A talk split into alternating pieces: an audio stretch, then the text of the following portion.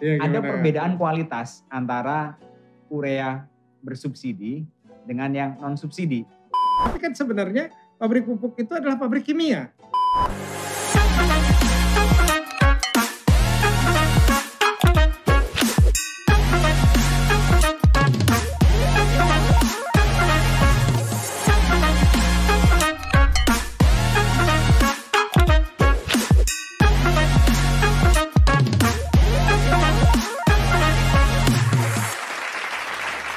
Welcome to Muda Podcast, podcastnya BUMN Muda. Apa kabar Sobat BUMN Muda? Semoga sehat selalu. Saya Kiki Iswara dan bersama rekan saya dari BUMN Muda, Mas Soleh Ayubi. Halo Sobat BUMN Muda. Muda Podcast kali ini kita kedatangan tamu dari Pupuk Indonesia. Pupuk ini salah satu komoditas penting loh dalam pertanian, Mas Kiki. Pupuk ini yang bisa mendorong tanaman kita semakin berkualitas. Bener banget, tapi sebelum beranjak ke podcast kita, Sobat BUMN perlu tahu terlaksananya Muda Podcast ini didukung oleh Pupuk Indonesia.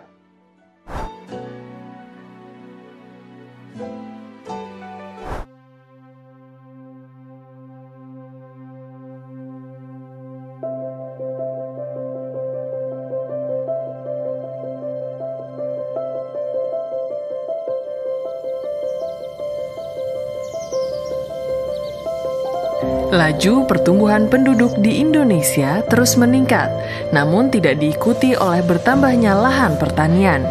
Tentunya, hal ini mempengaruhi pemenuhan kebutuhan pangan nasional. Oleh sebab itu, diperlukan upaya strategis untuk menjaga ketahanan pangan nasional.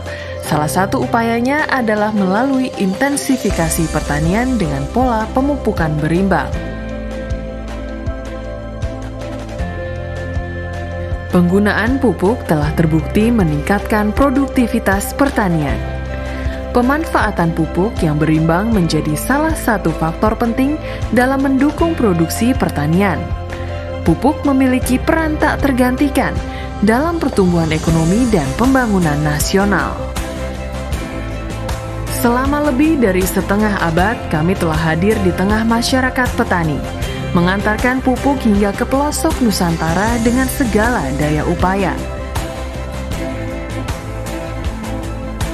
Dengan didukung oleh berbagai fasilitas, mulai dari dermaga-dermaga khusus, armada kapal, hingga jaringan distributor dan kios yang tersebar di seluruh negeri, kami menjamin distribusi pupuk sampai kepada para pelanggan sesuai prinsip 6 tepat, yaitu tepat waktu, tepat jenis, tepat lokasi, tepat jumlah, tepat mutu, dan tepat harga. Untuk mewujudkan ketahanan pangan nasional, pupuk Indonesia siap menjadi mitra yang tepat bagi pemerintah.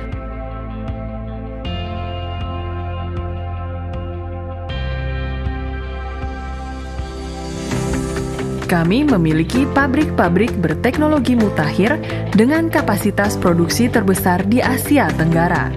Kami telah menjadi salah satu pemain terbesar di pasar Asia Pasifik. Pabrik-pabrik pupuk kami terletak di lokasi-lokasi strategis antara lain PT Pupuk Kaltim di Bontang, Petrokimia Gresik di Gresik, Pupuk Sriwijaya di Palembang, Pupuk Kujang di Cikampek, dan Pupuk Iskandar Muda di Lok Sumawe.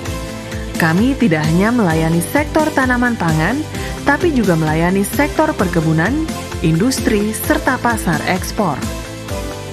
Sejak diresmikannya nama Pupuk Indonesia pada 3 April 2012, hingga kini kami memiliki 10 anak usaha yang bergerak di bidang industri pupuk, EPC, perdagangan, logistik, energi, dan pangan. Dengan struktur dan sinergi bisnis yang kokoh, Pupuk Indonesia siap mengembangkan bisnis untuk memberikan nilai tambah bagi bangsa dan negara.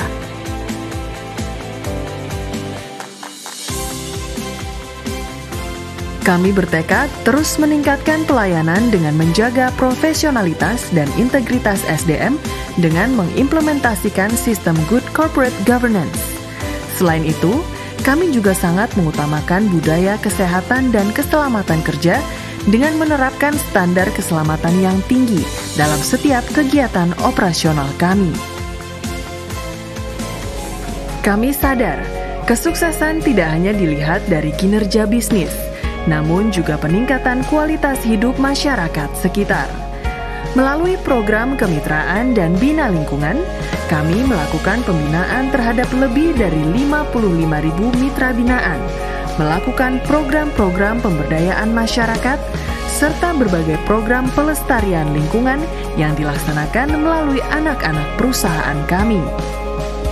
Pupuk Indonesia terus berupaya untuk meningkatkan keberlanjutan perusahaan dengan meningkatkan efisiensi melalui revitalisasi pabrik serta mengembangkan bisnis melalui diversifikasi bidang usaha serta mengembangkan industri petrokimia untuk meningkatkan daya saing di kancah internasional. Dengan semangat profesionalisme, Pupuk Indonesia bertekad untuk terus mengamankan ketahanan pangan nasional dan memberikan nilai tambah bagi pembangunan bangsa. Pupuk Indonesia, sinergi untuk ketahanan pangan.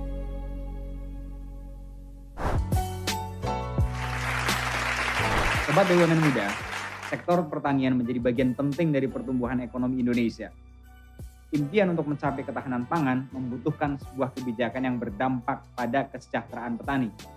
Karenanya diperlukan kehadiran dan peran nyata dari negara untuk menjamin kelancaran produksi sekaligus distribusi, agar hasil pertanian terus mengalami peningkatan dan bisa menciptakan ketahanan pangan.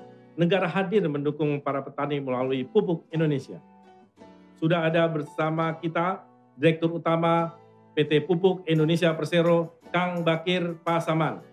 Welcome to Muda Podcast Kang Bakir Pasaman. Kehadiran beliau ini sudah kita tunggu-tunggu. Perannya krusial loh.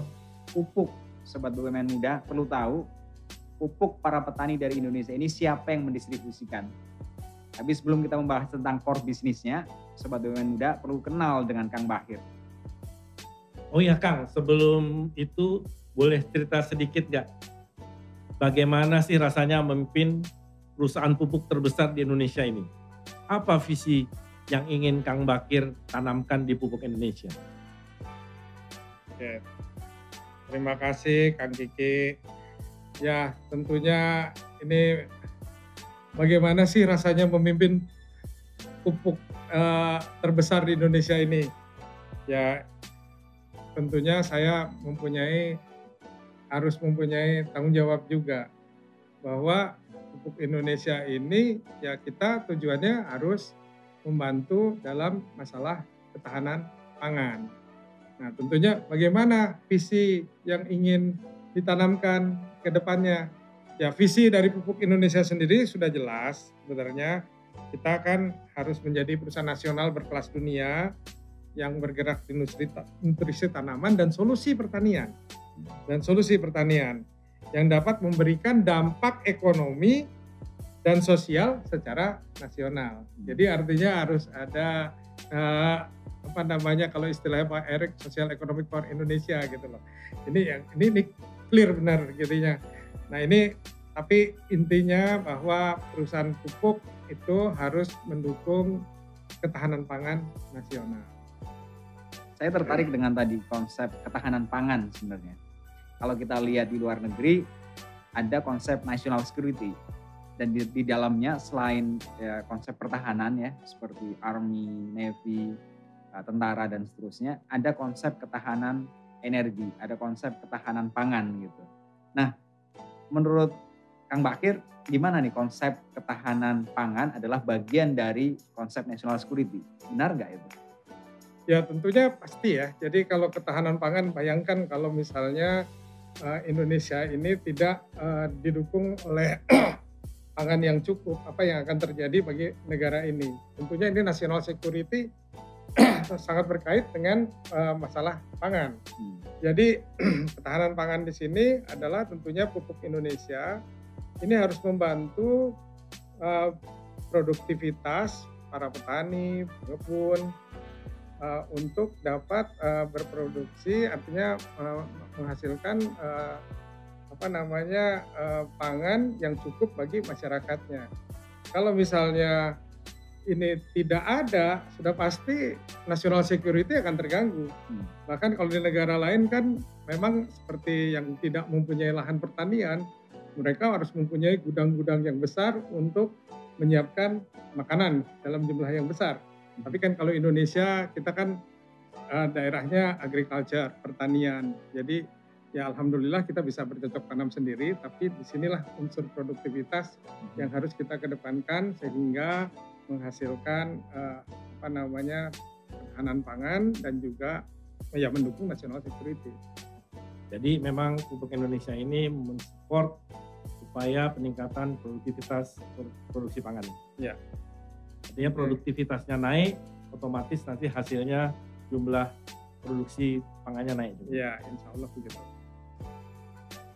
Gitu Kang Kike. Sebenarnya bagaimana sih melihat potensi keterlibatan milenial di sektor pertanian? Pasalnya kita tahu kalau saat ini milenial inginnya yang instan dan serba cepat dan juga modern. Termasuk dalam persoalan pekerjaan, banyak yang lebih tertarik bekerja di startup digital. Wah, ini pertanyaan yang menarik. Jadi sekarang itu pertanian itu kan semakin lama semakin modern. Hmm. Bahkan ada yang kalau milenial udah pasti pengennya digital-digital kan. Semuanya serba digital, serba ya pokoknya lain lah. Apa namanya berpenampilan lain. Kita misalnya orang apa namanya bertanam eh, contoh-contoh ini, contoh digitalisasi di kelapa sawit misalnya. Hmm. Kelapa sawit itu ternyata eh, misalnya kita bisa ada satelit kan yang beredar di apa namanya di Nusantara ini banyak sekali satelit yang beredar di Nusantara ini. Itu bisa mengambil foto klorofil daripada kelapa sawit itu.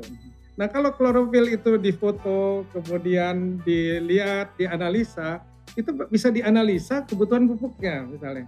Kebutuhan pupuknya itu berapa? N-nya berapa, P-nya berapa, K-nya berapa. Nah, Pupuk Indonesia waktu itu bekerja sama dengan Institut Pertanian Bogor, ya dengan uh, alumninya Kang Kiki nih. Nah, kita mengembangkan namanya uh, program Presipam. Ini yang seperti ini sangat menarik bagi petani-petani muda, artinya yang milenial, untuk ikut nih. Karena ada satelit involvement, Ya. ada bahkan bukan hanya satelit, bahkan misalnya untuk kegiatan agronomis. Ada alat misalnya yang untuk mengukur agronomis kan harus di sulit ya kalau agronomis ini. Ada alat otomatis yang bisa mengukur kadar eh, hara tanah secara singkat. Itu bisa di-develop bahkan dari grup pupuk, ada dari pupuk Kaltim juga pernah ada yang membuat ini. Ini bagus sekali.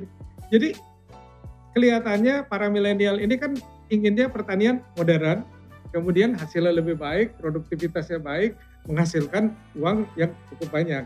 Nah ini yang saya pikir ini menarik. Sekarang ini pertanian menjadi sangat menarik karena makin lama pertanian itu semakin modern, semakin uh, maju dan ada di- digitalisasi. Sangat menarik ya tadi paparan dari eh, Kang Bakir ya. Pertanian ini sebenarnya lumbung ekonomi Indonesia. Namun perlu banyak pihak ya yang harus terlibat. Termasuk di dalamnya adalah generasi muda dalam mengembangkan pertan- pertanian Indonesia. Nah, pemuda sekarang nih kayaknya harus diajak ke ladang, sering main eh, ke daerah eh, ke sungai gitu ya supaya bisa mencari ikan dan seterusnya dan mengetahui betapa indahnya, betapa poten besarnya potensi uh, pertanian di Indonesia. Nah, Kang Bahir nih, kita ada surprise buat Kang Bahir. Kira-kira Kang Bahir punya kenangan apa dengan ini? Kotak Misteri Silahkan. Ada surprise. Apa nih Kang Kiki? Wah ini kayaknya seru nih. Saya boleh ngintip ya? Aduh. Ini saya buka nih. Ah. Luar biasa ini. Jadi Gawat ini. apa ini? Apa ini Kang Bahir cerita coba? Nggak tahu nih tiba-tiba Kang Kiki bawa mie celor. Ampun deh. Kenapa nih Kang? Saya disuruh makan nih. Ampun. Jadi Tapi saya terus terang seneng nih ada mie celor. Ini makanan kesukaan saya nih. jadi jadi ceritanya gimana? Kenangannya itu apa? Kenangannya Yang spesial nih. Saya dari kecil memang kebetulan ayah saya kerja di pabrik pupuk juga. Jadi direktur di pupuk Pusri Palembang. Hmm. Jadi lama saya tinggal di Palembang itu dari TK, SD, SMP. Dan salah satu makanan favorit itu di Palembang yang tempatnya memang masih di tempat yang sekarang juga itu ada mie celor. Hmm. Wah itu tempatnya enak banget tuh yang di 26 Ilir itu. Jadi saya seneng banget tuh makan di situ. Ya alhamdulillah ini kalau disuruh makan saya makan nih. Luar biasa. Jadi ini adalah makanan kesukaan Kang Bakir. Gimana nih Kang Kiki kok tiba-tiba ada mie celor di sini? Baik, baik, baik. Oke. Oke, eh, welcome back to Muda Podcast, podcastnya BUMN Muda ya. Sebelum kita lanjut ngobrol nih, Sobat BUMN Muda perlu tahu, Muda Podcast ini terselenggara atas dukungan oleh Pupuk Indonesia. Kang Bakir kita lanjut. Pupuk Indonesia saat ini tengah gencar melakukan transformasi bisnis. Bagaimana perkembangan transformasi bisnis sejauh ini? Apa saja yang menjadi fondasi atau pilar-pilar dari transformasi bisnis di Pupuk Indonesia? Ya, transformasi bisnis memang sedang kita lakukan karena uh, terus terang pupuk Indonesia ini kan selama ini selalu melayani apa namanya pupuk-pupuk subsidi saja. Kita tidak bisa hanya bergantung kepada pupuk subsidi. Secara perlahan pasti subsidi itu juga akan jumlahnya akan berkurang ataupun skema subsidi pindah ke tempat lain atau bahkan mungkin saja pemerintah memutuskan akan dicabut dan lain-lain. Tentunya kita harus mempersiapkan diri juga untuk masuk ke era komersial. Jadi kalau pupuk subsidi dan pupuk non subsidi itu harus berjalan paralel. Tentunya kalau masuk ke era yang komersial itu juga harus ada upaya-upaya yang eh, dijalankan di dalam transformasi. Jadi dalam melakukan transformasi bisnis ini kita ada strategic pilar, ada strategic foundation yang seperti ditanyakan oleh uh, Kang Kiki tadi. Strategic pilarnya misalnya adalah customer centric model. Ya, customer centric model sudah pasti kita kan orientasinya adalah customer focus lah, customer centric ini kan ini tentunya benar-benar ya ada customer subsidi, ada customer non subsidi. Tapi dua-duanya harus kita perhatikan, terutama yang subsidi kan eh, yang non subsidi kan lebih ini lagi karena kita ada harus kemampuan menjual, Ya. menarik customer karena ada saingan yang lain. Kalau di subsidi kan tidak ada saingan kan. Ya. Kemudian kita juga harus mengembangkan R&D dan uh, and innovation, R&D and innovation driven. Ini kita sudah mempunyai di bidang R&D ini kita mendirikan IFRI. Jadi uh, ada ada Institut Fertilizer uh, Indonesian Indonesian Fertilizer uh, Research Institute. Nah ini yang yang kita ini kemudian dan kita juga harus mengoptimalkan HPP. Ya. Iya kan, cost efisiensi. Jadi kita harus perlu excellent in operation and supply chain. Ya kan harus. Eh, Jadi artinya HPP itu bukan hanya pembelian, tapi supply chain. Kita punya harus jaringan distribusinya harus eh, efisien dan lain-lain.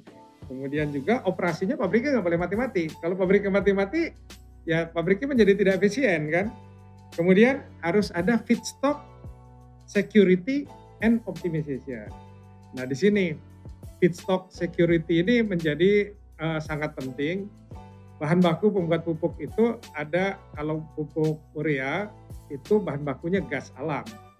Kalau bahan pupuk bahan baku pupuk NPK itu adalah bahan bakunya urea, kemudian ada fosfat, ada kalium. Fosfat dan kalium kebetulan Indonesia nggak punya, harus impor. Ini harus ada security-nya. Nah kami bersama dengan Mind ID sekarang berusaha mengakuisisi eh, tambang di luar negeri, tambang fosfat ataupun tambang kalium, sehingga security feedstock ini bisa terjamin ke depannya. Ya itu salah satu contoh yang dilakukan. Kemudian sustainability and circular economy. Ya tentunya semua harus sustain. Dan ini yang circular economy, kalau bisa bahwa produk yang dihasilkan pupuk ini banyak juga produk-produk sampingnya. Ya. Dan pabrik pupuk juga banyak produk-produk ini. Ini harus terutilize lah semua. Jadi jangan sampai ada yang terbuang. Misalnya contohnya kita punya pabrik amoniak gitu ya. Ya. Pabrik amoniak itu banyak membuang gas CO2. CO2 itu bisa dibikin urea. Mhm. Tapi masih banyak nih CO2 yang berlebih yang masih dibuang ke atmosfer. Nah kalau nggak mau dibikin urea, dibikin apa? Misalnya dibikin soda es, soda abu. Itu itu bahan pembuat kaca, buat buat gelas yang banyak dibutuhkan masih impor. Nah kami juga akan membuat eh, soda es gitu misalnya contohnya. Itu adalah bagian daripada circular economy. Nah tentunya selain daripada strategic pilar yang tadi saya jelaskan, kita juga harus ada fondasinya untuk mendukung uh, pengembangan pabrik pupuk ini, eh, apa namanya usaha di pupuk ini. Nah, strategic foundationnya kita harus tentunya seperti yang uh, generasi muda sangat sukai digitalisasi and advanced analytic capability. This is very important. Itu udah saya pikir nggak usah dijelasin lagi, udah ngerti tadi yang masalah ini ya. Kemudian kita juga harus punya world class human capital saya pikir world class human capital uh, ya I think itu harus dibina generasi muda harus dibina supaya jadi world class kalau pembinaannya benar pasti jadi world class deh kemudian harus ada strong governance and subsidiary management ya. Subsidiary management ini karena kita memang pupuk Indonesia ini punya anak perusahaan punya cucu Hmm. punya ini. Nah ini juga harus dibina. Nah tapi yang paling penting juga sekarang holding ini melakukan sentralisasi. Jadi sentralisasi itu berbagai fungsi yang tadinya masih di subsidiary itu dipindahkan ke eh, holding. Tujuannya adalah efisiensi. Nah ini efisiensi ini apakah terbukti berhasil? Ya insya Allah kita lihat bahwa saat ini eh, dengan adanya sentralisasi itu eh, performance daripada indikator-indikator keuangan daripada pupuk Indonesia juga sudah semakin membaik dan mudah-mudahan ini akan semakin membaik terus karena adanya efisiensi. Ya, saya rasa itu yang dilakukan Kang Kiki. Cukup panjang ya Cukup jawabannya kayaknya wah, ribet nih kayaknya Tapi ada pertanyaannya. ada follow up question dari yang tadi disampaikan oleh Kang Kiki ya. Tadi ada eh, konsep untuk sentralisasi di holding gitu ya. Iya. Nah ini kan kalau kita melihat strategi dari pupuk Indonesia itu kan didesain sebagai holding. Iya. Tapi instead of being eh, strategic holding ternyata konsepnya adalah aktivis holding gitu. Itu itu gimana ceritanya dan apa itu gitu? Ya, jadi aktivis holding yang jelas kan bahasa aktivis holding, holding yang lebih aktif, berperan lebih banyak, berperan lebih eh, ini untuk mensinergikan apa yang ada di Anper. Memang kita eh, tidak menghilangkan semua fungsi daripada yang diambil ke holding. Tapi misalnya begini, contoh saja, kita melakukan sentralisasi fungsi pemasaran. Ya. Kita melakukan sentralisasi fungsi pengadaan. Ini ambil yang dua ini aja. Ya. Karena banyak juga SDM, keuangan, IT, kita juga semua kita kita sentralkan. Tapi contoh misalnya pemasaran. Dulu waktu pabrik pupuk masih beroperasi sendiri-sendiri, tidak tertutup kemungkinan antar anak perusahaan itu malah bersaing antar mereka sendiri. Ah, Oke oke. Nah kalau sekarang kita menyatukan ini, ya harganya kalau bisa sama deh keluar dari pabrik masing-masing pabrik harganya sama, Hmm. tidak usah bersaing. Kemudian rayonisasinya kita atur pembagiannya supaya jangan saling eh, apa namanya Rebutan eh, customer, rebutan customer. Kemudian juga eh, macam-macam lah, banyak sekali eh, di pemasaran yang kita lakukan. Kalau saya ceritain satu-satu ini panjang sekali.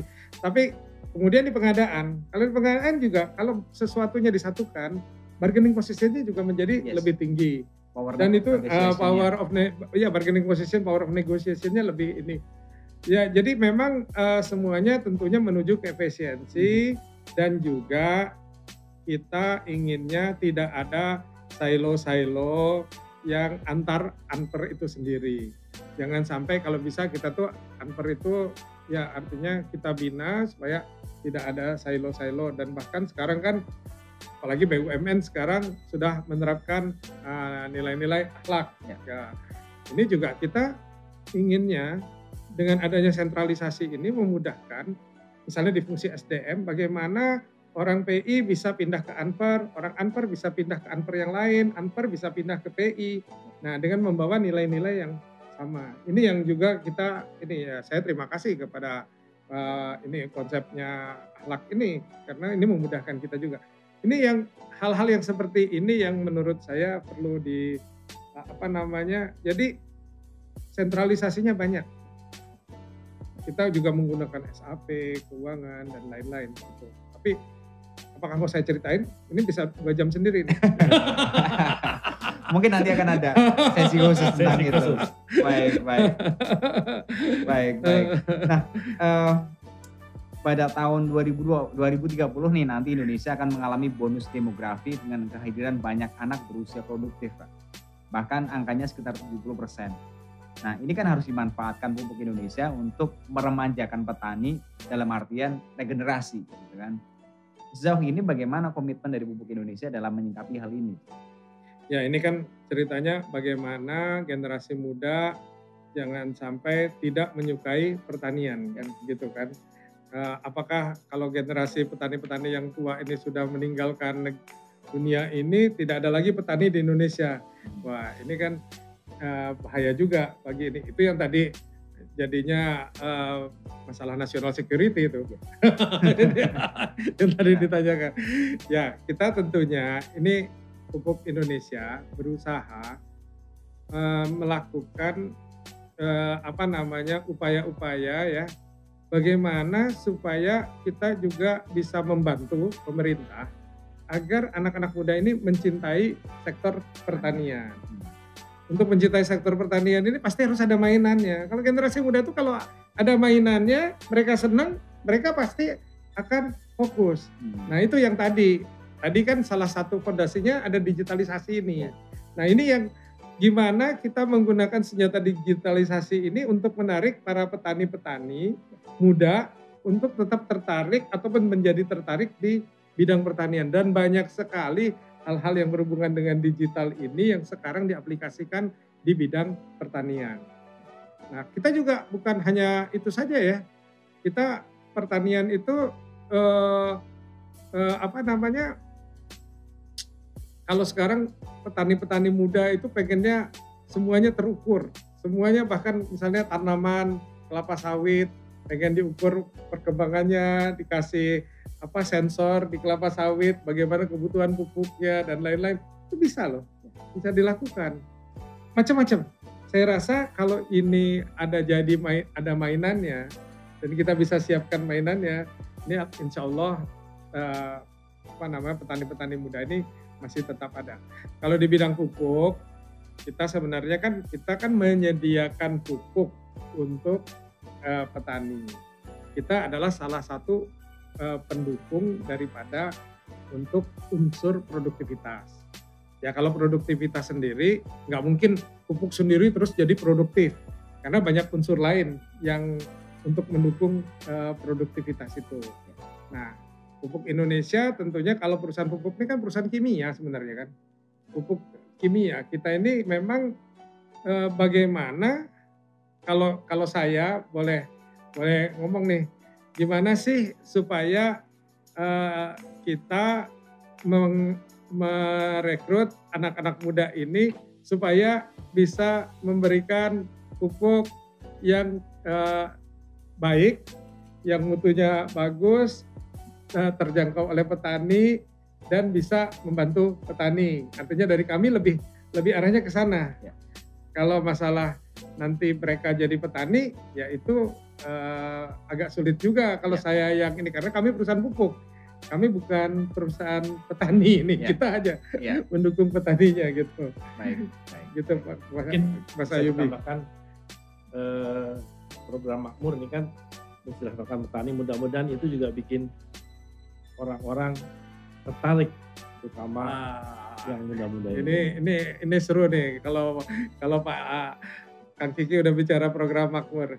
Jadi program makmur ini sebenarnya dulu kita tadi yang pertanyaannya eh, Mas Ayubi tadi masalah pertanian kita ikutan nggak sih di apa namanya di unsur produktivitas tadi membuktikan produktivitas. Kalau kalau pupuk perusahaan pupuk itu waktu itu Pak Presiden pernah menegur di istana lah masalah produktivitas.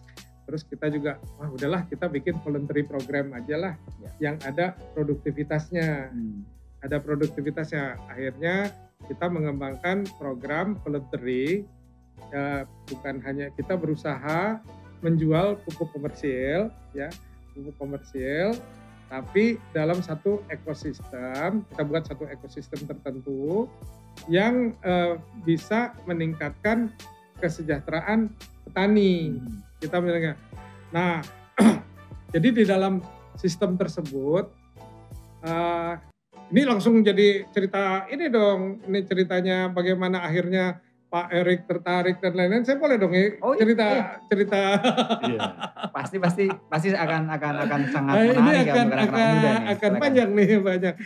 Jadi kita waktu itu ada program kecil-kecilan kita mulai dari 5 hektar waktu itu. Rasanya 5 hektar di Banyuwangi, kalau nggak salah 10 hektar di Jember. Hmm. Kita mulai ada, coba kita bikin sistem deh, ekosistem yang berhubungan dengan produktivitas. Hmm. Kita sediakan pupuk komersil. Gitu. Kemudian kita cari tanah 5-10 hektar petani gitu. Kita siapkan off-takernya. Ya. Kemudian kita sediakan financingnya supaya petani lepas dari penghijauan. Ya. Nggak usah ini, off-taker supaya lepas dari tengkulak. Ya. Jadi gitu. Inti-intinya kita bicara, ini lepas dari tengkulak, eh, tanahnya apa namanya, eh, ininya kemudian kita sediakan pupuk yang pas. Libatkan agronomis dan lakukan pendampingan. Hmm. Nah sekarang udah ada pu, uh, udah ada apa namanya, uh, udah ada apa namanya financingnya nanti ini uh, off taker kan sudah ada nih Ya. kita siapkan. Kemudian financingnya kita siapkan. Itu waktu itu belum ada kur. Ya. Jadi distributor financing. Ya. Jadi kita kita himbau lah distributor untuk memfinancing uh, kelompok tani, Ya. kelompok tani. Kemudian kita juga karena ini sudah ada dua hal ini, insurance tiba-tiba bisa masuk Hmm. untuk Ya. me- meng, apa, mengcover kerugian kalau misalnya terjadi bencana, Ya. apa hama dan lain-lain kerugian petani. Kita melakukan pendampingan. Pupuknya kita pilih yang bagus, yang sesuai sesuai dengan tadi analisa agronomis. Kemudian juga kita pilihkan benihnya, pestisidanya, kemudian juga eh, kita kembangkan dengan teknologi yang mekanisasi. Ya. Nah itu kita dampingin itu semua dalam satu ekosistem. Kemudian kita dampingi juga peran Pemda-Pemda yang artinya eh, apa namanya di lapangan itu kita libatkan juga petugas lapangan untuk membantu pendampingan ini. Nah itu alhamdulillah yang tadi eh, apa namanya sawah itu menghasilkan rata-rata 5 ton itu kalau di Banyuwangi bisa double di Jember juga double nah itu kemudian menjadi word of mouth dari para petani sen- sendiri dan pupuknya pupuk non subsidi Oke. bukan pupuk subsidi Hmm. Nah ini kan menjadi menarik nih. Kemudian petaninya karena karena hasil produktivitas tinggi kan nggak keberatan dong untuk beli pupuk Ya. pupuk non subsidi. Kan, kan dari peningkatan produktivitas tadi. Ya. Nah akhirnya pada waktu itu kita masih sebut dengan program Agro Solution. Akhirnya ini program seperti ini kita terapkan di seluruh pabrik pupuk. Kemudian Pak Erik rajin ini ber, berkunjung ke mana-mana kedengeran lah oleh beliau Hmm. mengenai program agro solution ini oleh yang di ini pupuk. Wah beliau tertarik. Wah beliau bilang ini ini bagus nih. Kita sempurnakan. Saya lapor beliau di kantornya beliau ini agro solution gitu. Wah ini bagus. Tapi ini harus didukung. Nggak bisa ini. Saya akan mendukung full ini Hmm. program ini.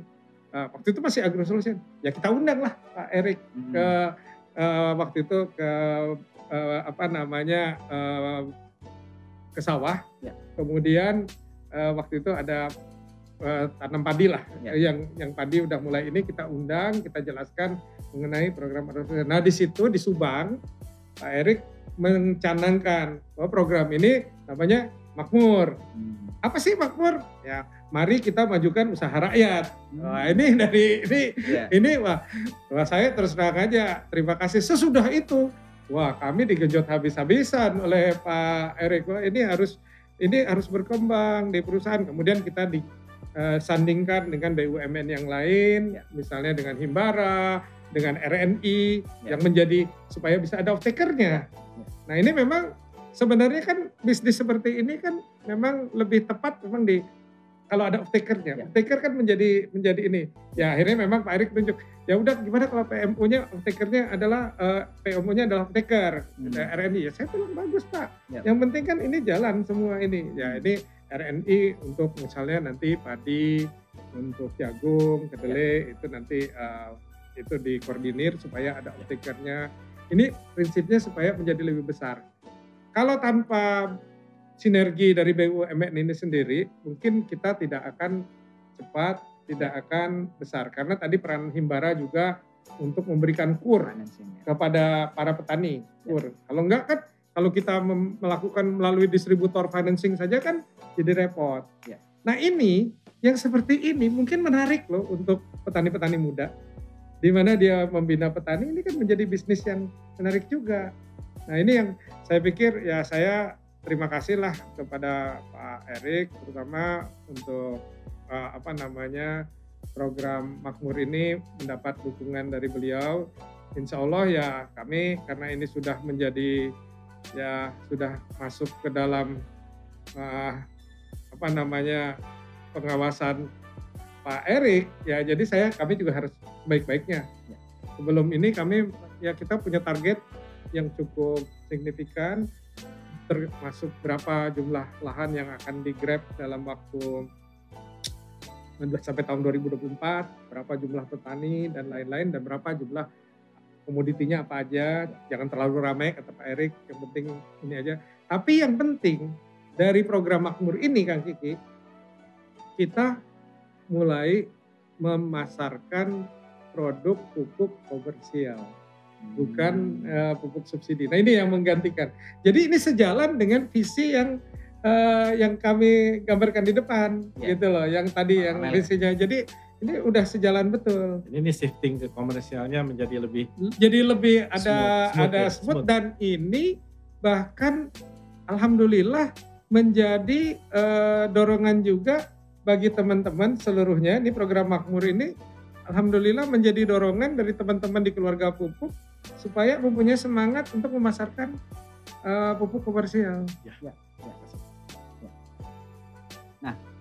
Eh, tadi sebenarnya sudah mulai dibahas ya mengenai bagaimana strategi dari pupuk Indonesia shifting ya strateginya dari yang eh, pupuk subsidi menjadi pupuk yang komersil gitu.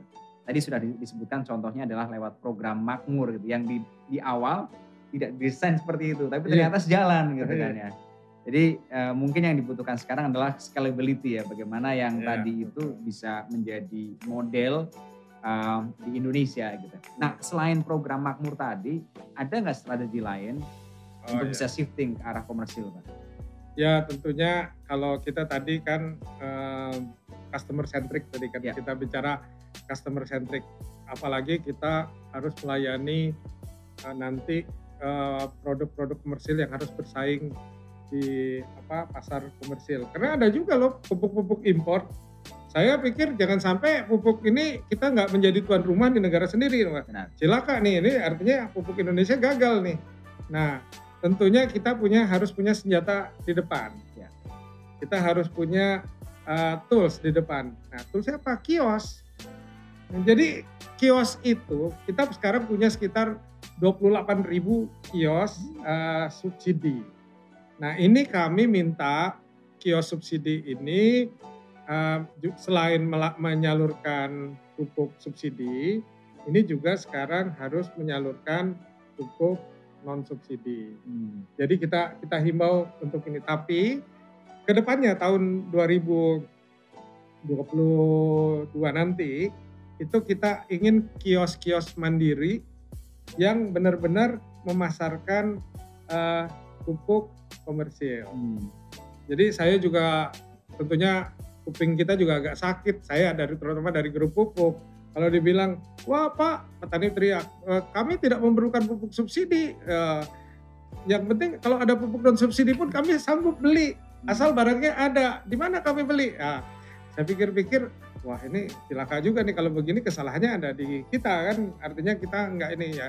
Kita memang eh, sekarang nanti tahun depan insya Allah ada 1000 kios eh, pupuk apa namanya non subsidi yang akan kita bangun dan tentunya kiosnya juga harus digital. Ya. Jadi kita lengkapi dengan ini deh. Ya. Ini kan harus ada dong uh, iPad. Nah, kita pengennya tuh kayak uh, sistem yang kita bangun itu seperti kayak Hemat atau Alfamart Oke. kayak gitu yang dia bisa ini. Tapi kita ini sudah mulai jalan. Ini namanya uh, retail management system. Uh, Retail management system ini sudah sudah mulai diaplikasikan di beberapa tempat, tapi kita belum announce karena masih uji coba. Coba. Uh, uh, nanti kalau ini kita akan announce dan kita akan minta Pak Menteri deh untuk lihat langsung. Nanti kalau mau dikasih nama lagi, kasih nama apa deh oleh Pak, Pak Menteri deh.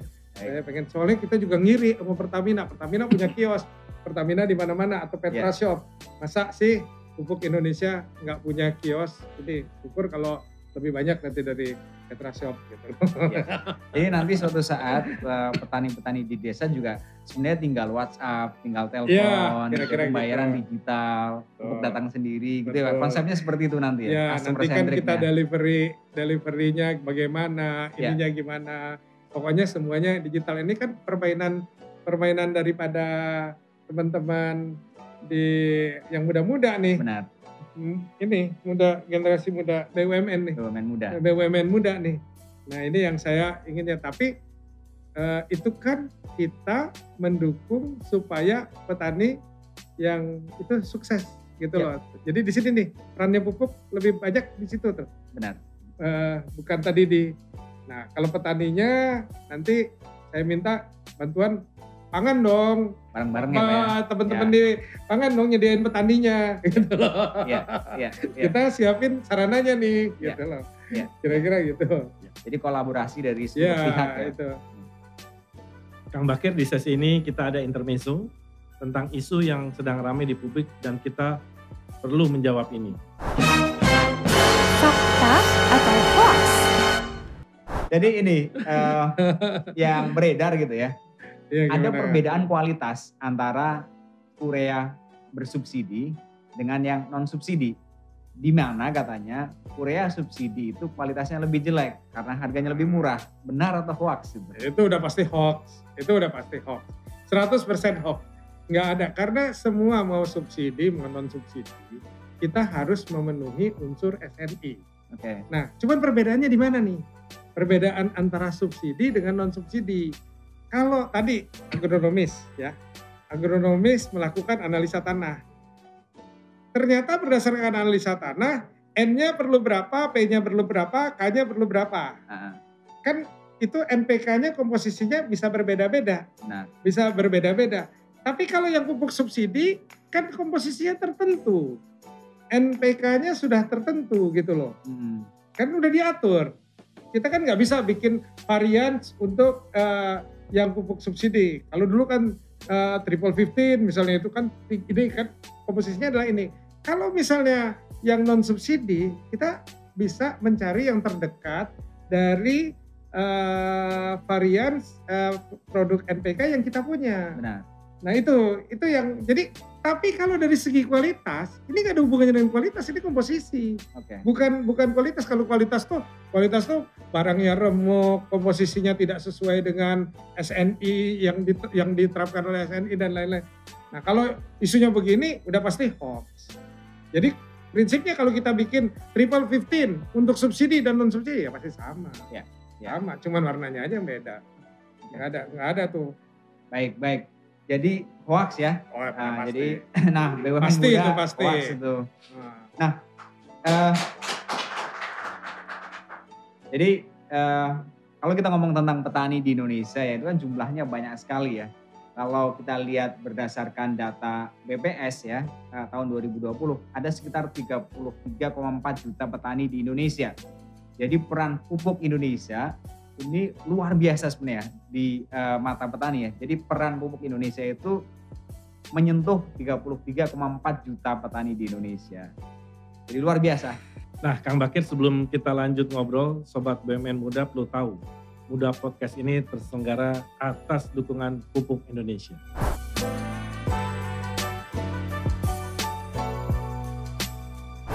Menurut Kang Bakir, bagaimana dengan iklim dan ekosistem etos kerja yang dibangun Menteri BUMN Erick Thohir saat ini? Apakah penerapan core value akhlak imbasnya sangat terasa di lingkungan kerja pupuk Indonesia? Ya, seperti yang saya jelaskan tadi ya, ahlak ini alhamdulillah karena dengan core values yang sama di ini tadi sekarang sudah mulai kita memindah-mindahkan itu pegawai aja udah harusnya sama jangan sampai jadi silo-silo eh, jangan sampai terbentuk. Ini udah udah mulai terasa. Saya terus terang saja kita kita mengangkat ada kayak eh, project manager sendiri. Namanya SPM senior project manager di ini yang khusus melakukan akhlak. Hmm. apa mengkoordinasi akhlak di pupuk Indonesia dan juga di anak-anak perusahaannya. Jadi ada subnya. Jadi kita monitor terus mudah-mudahan dengan program ini insya Allah bisa membawa akhirnya itu nanti semuanya menjadi lebih baik. Bukan artinya semuanya akan menjadi lebih baik. Bukan hanya produksinya yang menjadi lebih baik tapi ya semua sektor akan menjadi lebih baik. Dan ini eh, insya Allah lah kita sangat serius terhadap ini dan sudah mulai terasa. Tapi bagaimana peran Pak Erik sendiri? Ya saya rasa ya Pak Erik nih kupingnya banyak kayaknya. Matanya juga tajam nih ke mana-mana. Saya kan nggak pernah tahu nggak pernah ini loh apa namanya bising-bising mengenai apa misalnya program makmur tadi. Ya. Eh, tapi beliau tuh udah udah udah tahu gitu loh dikit-dikit. Itu saya ceritain langsung wah. Terus langkah-langkahnya tuh langsung cepet beliau ini. Wah ini nggak tahu beliau nih kayaknya eh, kadang-kadang saya keteteran juga. Wah ampun. Dan hebatnya beliau ini mohon maaf nih saya tuh di expedite terus gitu tanya terus. Ini kadang-kadang se- serem-serem juga nih kalau nggak ada nggak ada progres ya. Suka ditanya-tanya. Tiba-tiba WA lagi santai-santai aduh Pak Erik nanya lagi.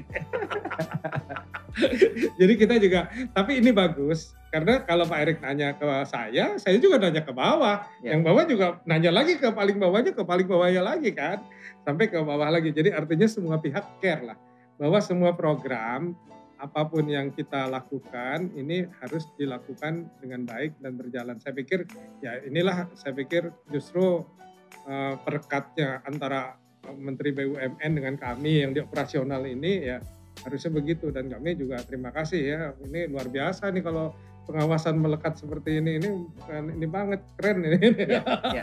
Baik, baik. ini keren Jadi kalau boleh eh, saya tangkap pada dua ya. Yang pertama adalah eh, sebenarnya inspirasi gitu ya. Oh ternyata bos kita itu eh, sampai tahu sedetil itu, gitu. Oh iya, sampai itu. eh, apa punya sensitif, sensi- sensitivitas yang luar biasa sampai ke level operasional. Iya. Gitu. Itu kan sebuah inspirasi ya bagi bagi seluruh pegawai. Nah khusus ini Pak terkait dengan eh, human capital ya. Tadi kan sudah disebutkan mengenai rencana bisnis, rencana strategis dari pupuk Indonesia gitu. Nah terkait dengan human capital nih, ini kan ke depan eh, kita juga tidak bisa eh, melarang ya bahwa akan ada pupuk eh, pupuk impor dan seterusnya. Bagaimana nih dari sisi hum- human capitalnya disiapkan sehingga kita bisa bersaing dengan mereka, gitu.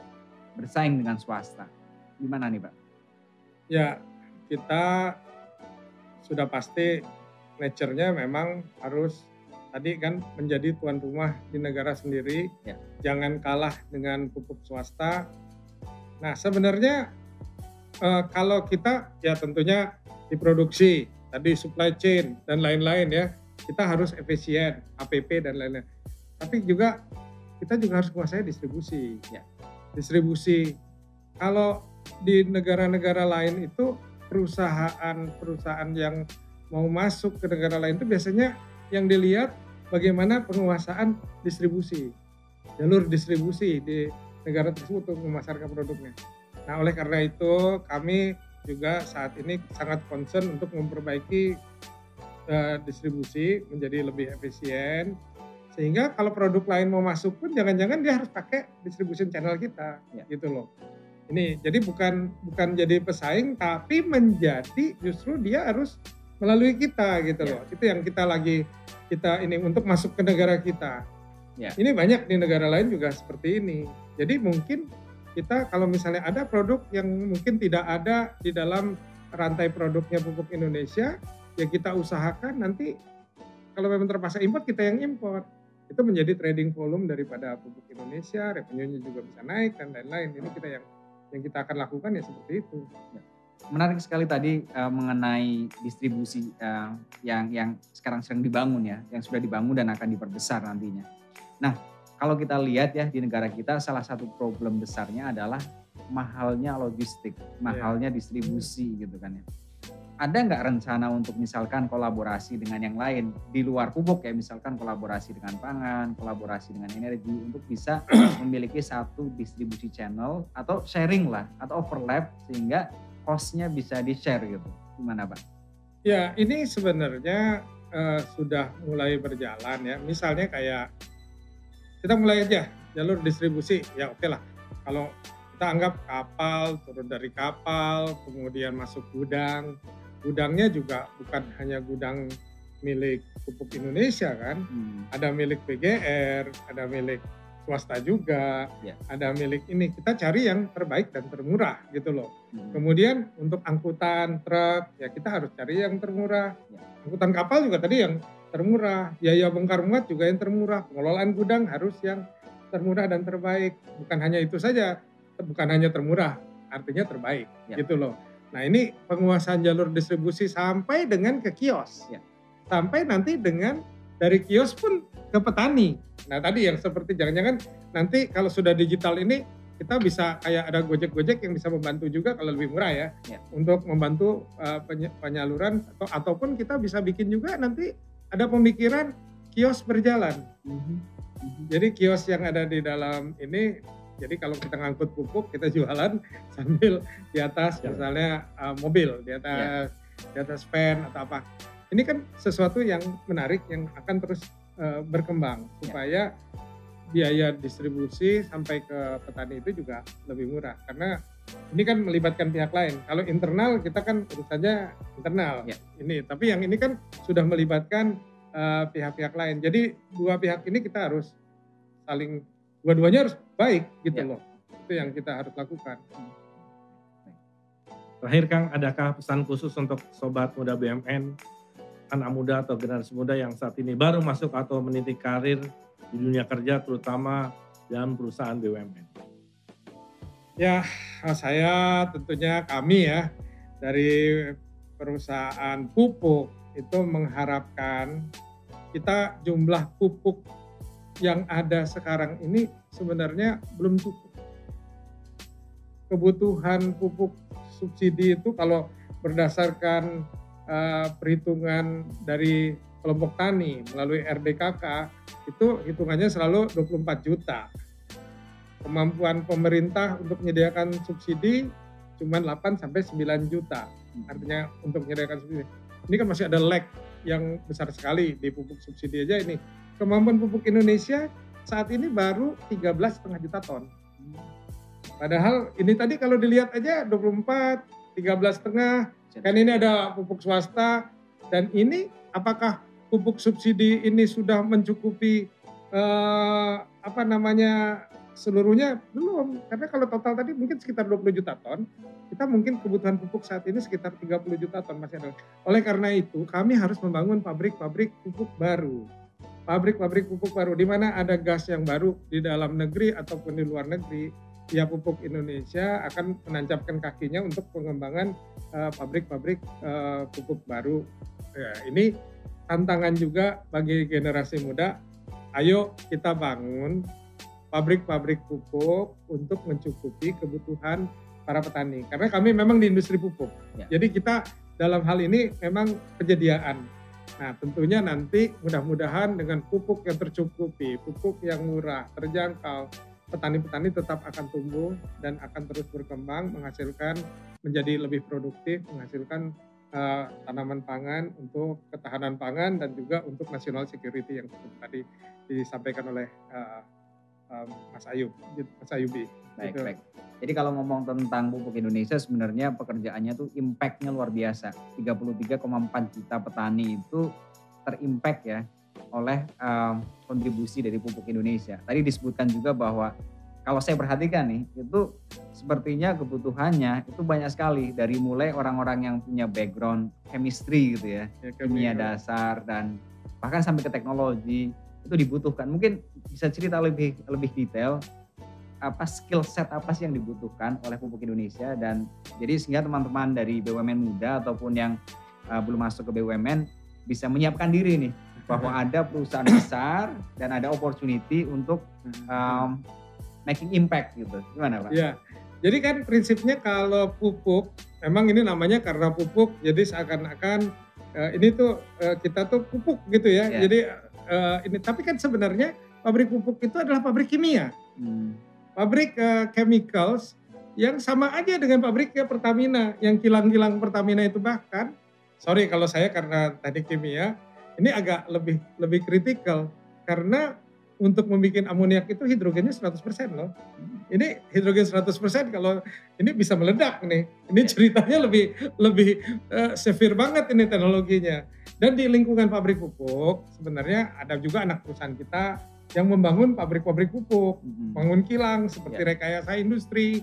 Itu kemampuannya mempunyai eh, kemampuan untuk membangun-bangun pabrik gitu Ya. loh. Nah ini anak-anak muda ini kalau kita bisa mengembangkan teknologi sendiri, kalau dibayangkan kalau perusahaan di Indonesia ini nggak punya perusahaan EPC, kemampuan membangun pabrik, ini kita kita akan terus dijajah oleh kontraktor-kontraktor asing yang menerapkan harga nanti yang apa harganya akan sangat tinggi untuk biaya-biaya EPC. Sebenarnya kalau adanya rekayasa industri ini relatif semua itu akan terkontrol, harga itu akan murah. Nah anak-anak muda itu bisa masuk ke pabrik pupuknya, memproduksi pupuk, bisa bekerja di tradingnya, bisa kerja di distribusinya, bisa kerja di rekayasa industri. Banyak sekali eh, apa lapangan kerja yang bisa digarap dan dimodernisasi, dibikin lebih baik untuk kemajuan bangsa ini. Dan saya sih eh, apalagi peran tambahannya tadi seperti makmur gitu. Ya. Nah ini kan eh, membantu petani kita terjun langsung gini. Ini di luar daripada ini kan ini voluntary, tapi ini merupakan program yang eh, seperti ini boleh aja diciptakan kalau ini inovasi, kreativitas dan lain-lain. Nah saya saya menghimbau intinya kita menyediakan pupuk, kita menyediakan insya Allah menyediakan pangan juga bersama dengan BUMN yang lain. Nah kita yaitu membangun ketahanan pangan lah untuk bangsa kita sendiri dan saya yakin bisnis ini untuk anak muda juga bisa menghasilkan income yang cukup, Hmm. income yang sangat baik, Ya. income yang sangat baik ke depan. Baik, baik. Eh, sobat muda banyak banget yang bisa dijadikan motivasi ya, pelajaran ya. Jadi pupuk Indonesia itu selain tadi making impact ke puluhan juta petani di Indonesia, making impact ke national security ya. Jadi pangan itu adalah mas- masuk ke dalam national security juga income-nya bagus juga gitu ya. Jadi kesempatannya luar biasa terbuka. Makanya eh, terima kasih sekali lagi eh, kepada eh, eh, Kang Bakir ya eh, sudah mampir di Muda Podcast. Mudah-mudahan ada kesempatan lain eh, bisa kita sharing ke sobat muda BUMN tentang pupuk Indonesia. Jadi eh, saya Soleh Ayubi dan rekan saya eh, Pak Kiki Iswara pamit undur diri. Stay tune with us. Muda Muda Podcast. Podcastnya Podcastnya BUMN Muda. Muda. Wassalam.